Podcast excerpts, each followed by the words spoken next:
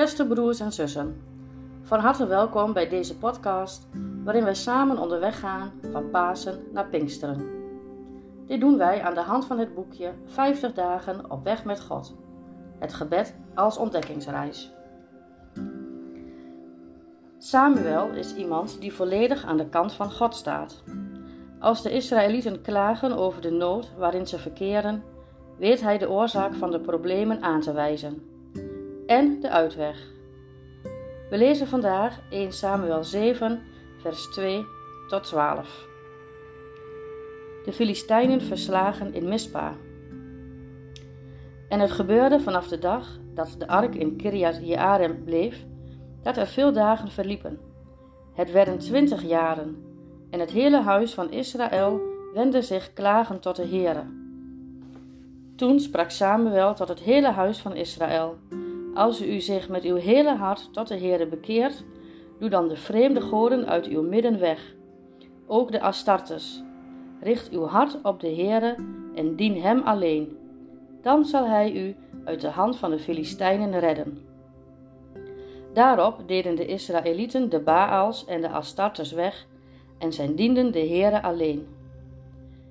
Verder zei Samuel: Roep heel Israël en Mispa bijeen dan zal ik voor u tot de Heere bidden.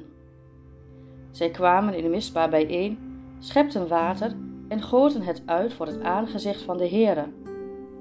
Zij vasten op die dag en zeiden daar: Wij hebben tegen de Heere gezondigd. Zo gaf Samuel leiding aan de Israëlieten in Mispa. Toen de Filistijnen hoorden dat de Israëlieten in Mispa bijeengekomen waren, trokken de stadsvorsten van de Filistijnen tegen Israël op. Toen de Israëlieten dat hoorden, werden zij bevreesd voor de Filistijnen. En de Israëlieten zeiden tegen Samuel: Laat toch niet na voor ons te roepen tot de Heere, onze God, opdat Hij ons zal verlossen uit de hand van de Filistijnen. Toen nam Samuel een melklammetje en offerde het in zijn geheel als brandoffer voor de Heere. Samuel riep tot de Heere voor Israël, en de Heere verhoorde hem. En het gebeurde, toen Samuel dat brandoffer bracht, dat de Filistijnen de strijd aanbonden met Israël. Maar de Heere deed op die dag een machtige donderrollen over de Filistijnen. Hij bracht hen in verwarring, zodat zij door Israël verslagen werden. En de mannen van Israël trokken uit Mispa, achtervolgden de Filistijnen en versloegen hen tot onder Bet Kar. Toen nam Samuel een steen en plaatste die tussen Mispa en Zen. Hij gaf hem de naam Eben Haezer en zei: Tot hiertoe heeft de Heere ons geholpen. Overwinning op het gebed. Hij riep de Heere om hulp voor Israël en de Heer verhoorde hem. Dit is dus het probleem. De Israëlieten hebben andere goden gediend, zoals de Baals en de Astartes. Daarom heeft God hen niet geholpen toen de Filistijnen het land binnenvielen en zijn ze aan zichzelf overgeleverd. Samuel laat zien hoe het verder moet.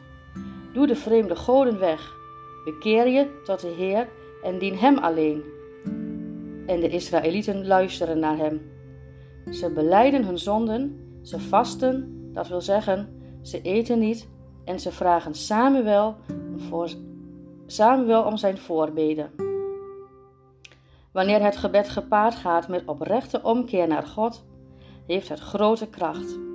De Filistijnen worden verslagen al voordat er strijd is geleverd. Zelfs de natuur werkt mee. Zware donderslagen brengen het leger van de Filistijnen in verwarring. En vervolgens kunnen de soldaten van Israël het karwei afmaken. Deze gebeurtenis staat niet op zichzelf. God is het die ons bidden hoort dat is een terugkerend refrein. Keer op keer komt hij mensen te hulp. Redt hij een volk uit de nood en grijpt hij in als mensen hem aanroepen in bidden en vasten. Nee, hij laat niet met zich spotten. Als je vertrouwt op jezelf of op de goden van deze tijd, moeten die goden je ook maar helpen.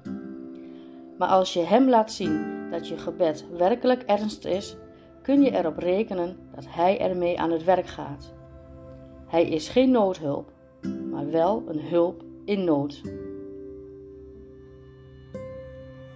Laten we samen danken en bidden. Het gebed sluit ik af met opwekking 125 met het lied Heer, ik kom tot u, hoor naar mijn gebed.